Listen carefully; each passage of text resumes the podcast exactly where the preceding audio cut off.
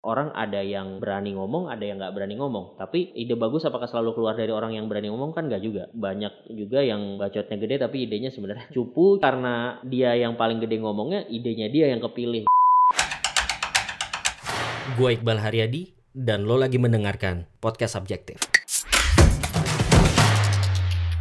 27 Juni 2023 saat ini jam tengah 11 malam. Kali ini gue pengen bahas soal meeting. 9 tips untuk membuat meeting lebih efektif. Ini sebenarnya poin-poin dari newsletternya Manage Manager, di mana gue di situ jadi editor. Manage Manager adalah komunitas manager, marketing, brand atau kreatif dari berbagai company yang di situ salah satunya adalah kita punya newsletter, judul newsletternya Better Managers. Jadi kita uh, bikin tulisan setiap minggu di managemanager.substack.com di mana di situ kita bahas tips-tips untuk membuat lo jadi manajer yang lebih baik. Nah, salah satu edisi newsletternya yang menurut gua menarik dan gua ngedit juga adalah soal uh, meeting. Karena kan sebenarnya baik lo jadi manajer ataupun lo jadi jadi tim kalau lo kerja kantoran, meeting tuh adalah salah satu pengambil waktu terbanyak dari waktu lo bekerja. Kalau dari datanya HBR ini mungkin di US ya, gue nggak tahu kalau di Indonesia bisa jadi lebih tinggi. Tapi rata-rata orang kerja kantoran itu bisa ngabisin hampir 23 jam seminggu buat meeting. Which is kalau 23 jam mungkin dibagi waktu kerja ya mungkin seper seperlima lebih dari seperlima lah gitu. Is kan banyak banget tuh 20% lebih. Dan itu kalau meetingnya produktif. Kalau meetingnya nggak produktif ya lo udah buang-buang waktu untuk meeting. Belum lagi ya lo tetap harus kerjain tugas juga gitu. Jadi eh, gimana caranya supaya meeting itu bisa lebih efektif? Nah ini ada 9 tips gitu ya yang bisa lo langsung praktekin. Yang pertama adalah selalu tanya apakah meeting yang mau lo lakukan itu bisa cukup diganti dengan email aja atau misalnya sesimpel bikin thread di Slack atau tulisan di docs gitu ya di dokumen. Karena paling pertama lu harus filter dulu bener ini meetingnya beneran dibutuhkan atau enggak gitu. Jangan-jangan kita cuma chattingan lima kali tektokan udah selesai. Jangan-jangan kita nulis uh, take time 10 menit nulis email itu udah bisa selesai juga gitu. Jadi bisa jadi kita nggak perlu menghabiskan waktu untuk meeting. Itu yang pertama. Yang kedua adalah selalu pastikan tujuan dari meeting yang akan dilakukan. Yang kalau dari salah satu buku soal managers uh, making of manager kalau nggak salah. Cuma ada empat jenis meeting sebenarnya. Meeting untuk ngambil keputusan, meeting untuk menginformasikan sesuatu, meeting untuk menghasilkan ide atau brainstorming, sama meeting untuk mengevaluasi atau memberikan feedback. Nah, kalau lo mau meeting, intinya lo pastiin dulu nih objektif meetingnya apa, supaya kita sama-sama tahu ujung dari meeting ini tuh resultnya apa. Jadi satu frekuensi gitu. Jadi nggak ngawang-ngawang cuma duduk bareng, ngobrol bareng tapi nggak jelas. Yang ketiga, tips ketiga, selalu pastikan setiap peserta meeting itu punya role yang jelas dan cuma invite orang yang emang punya role dalam meeting tersebut. Karena kan sering kali kayak meeting tuh banyak orangnya tapi nggak jelas nih kenapa lu ada di sini, kenapa lu ada di sini. Bahkan lu sendiri bisa jadi lu juga bertanya-tanya kenapa gua ada di meeting ini ya gitu. Ada framework namanya Darci. Jadi role-role di dalam meeting itu antara satu lu decision maker, pengambil keputusan di dalam meeting tersebut, kedua accountable, orang yang akan bertanggung jawab terhadap project yang lagi dijalankan. Tiga, R, responsible, orang yang akan ngerjain, yang akan nge-execute. Keempat, C itu adalah consulted, orang yang mungkin mungkin butuh dikonsultasikan tentang project yang lagi dijalankan, tentang diskusi yang lagi dibicarakan. Sama terakhir inform, orang yang perlu dikasih tahu, yang perlu di FYI. Nah, orang yang ikut meeting harus emang jelas role dia di situ salah satu dari Darci ini apa. Kalau misalnya nggak ada salah satunya lu bukan yang ngambil keputusan, lu bukan yang perlu diinformasikan, lu bukan orang yang perlu dikonsultasikan dan lain-lain, ya udah lu nggak usah ada di situ gitu.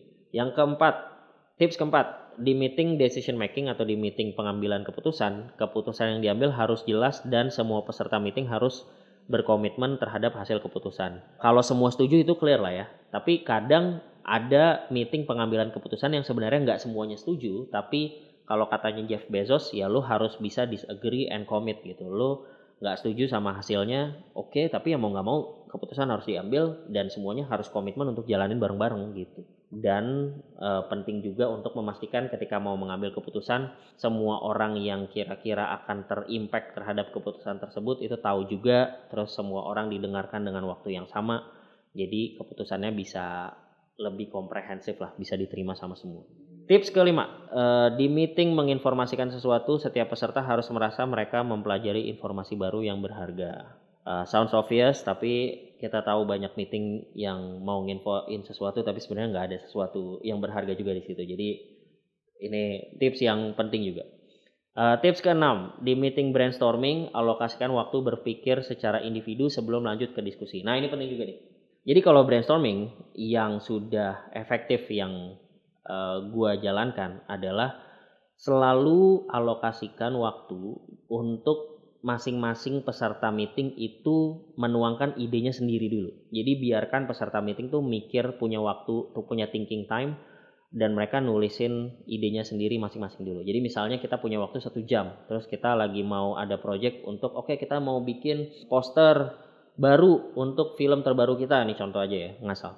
Uh, yuk kita kumpulin kita brainstorming idenya kayak gimana. Nah alih-alih langsung ngobrol dari 60 menit itu misalnya alokasikan waktu 15 menit. Oke, 15 menit kita uh, diem ya, mikir masing-masing, tulisin ide di laptopnya masing-masing kayak gimana nih poster ide poster yang bagus untuk kita execute gitu ya.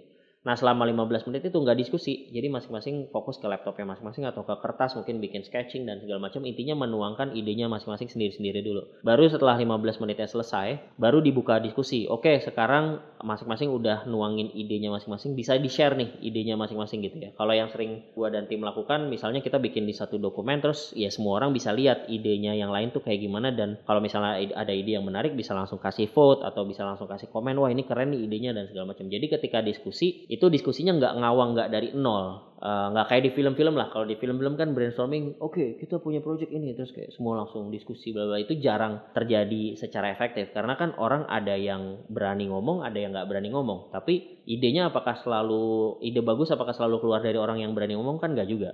Banyak juga yang bacotnya gede tapi idenya sebenarnya cupu. Cuma karena dia yang paling gede ngomongnya, idenya dia yang kepilih gitu. Nah, kita menghindari hal-hal seperti itu sehingga selalu alokasikan waktu untuk thinking time secara individu ketika kita meeting brainstorming. Tips ketujuh, masih nyambung, bikin pre-meeting dokumen itu akan membantu setiap orang lebih siap dan engage dalam meeting. Jadi kalau bisa sebelum meeting lo menyiap orang yang mengundang meeting itu menyiapkan dulu dokumen singkat gitu ya yang menjelaskan kenapa kita, apa yang mau kita bahas di meeting ini, apa objektifnya, konteksnya apa, apa yang mau kita decide misalnya apa yang jadi bahan pertimbangan ini itu dan segala macam dokumen itu kemudian dikirim duluan nih ke orang-orang yang akan datang ke meetingnya entah satu hari sebelumnya entah mungkin beberapa menit sebelumnya atau bahkan e, di awal meeting misalnya. Alokasikan waktu 10 menit ya udah deh baca dulu nih dokumennya baru habis itu diskusi. Itu akan bisa bikin e, diskusi di meetingnya jauh lebih efektif ketimbang harus presen langsung presentasi gitu ya. Karena balik lagi tadi ada alokasi waktu untuk orang berpikir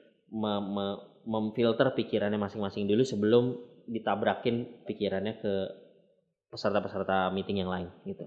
Tips ke-8 normalize cabut dari meeting. Nah ini mungkin nyambung ke yang sebelum-sebelumnya. Ya. Intinya ketika meeting dan lo ngerasa lo udah nggak adding value di situ, ya sebenarnya lo harusnya sih dinormalkan untuk cabut ya izin aja. Kayaknya saya udah nggak dibutuhin dari meeting ini, boleh izin cabut ya duluan gitu. Atau misalnya ada temen lo yang dia juga ngerasa kayaknya gue role gue di meeting ini udah kelar karena gue udah present ide gue misalnya. Atau yang berhubungan sama gue yang perlu konsul sama gue udah gue jawab tadi, ya udah gue izin cabut ya intinya kita respect uh, each other's time karena kan balik lagi kalau kita stuck di meeting yang gak efektif ya kita buang-buang waktu gitu. Mendingan kita pakai buat kerja in uh, tugas-tugas yang juga nggak sedikit gitu kan. Uh, normalize cabut dari meeting karena itu sangat normal ketika lo ada di meeting tapi lo udah nggak ngasih adding value ya udah lo cabut aja Terakhir, get feedback about your meeting. Tiap kali meeting selesai, lo bisa minta feedback ke peserta meeting. Eh hey guys, sebelum meetingnya selesai, gue pengen tahu dong meeting ini gimana nih.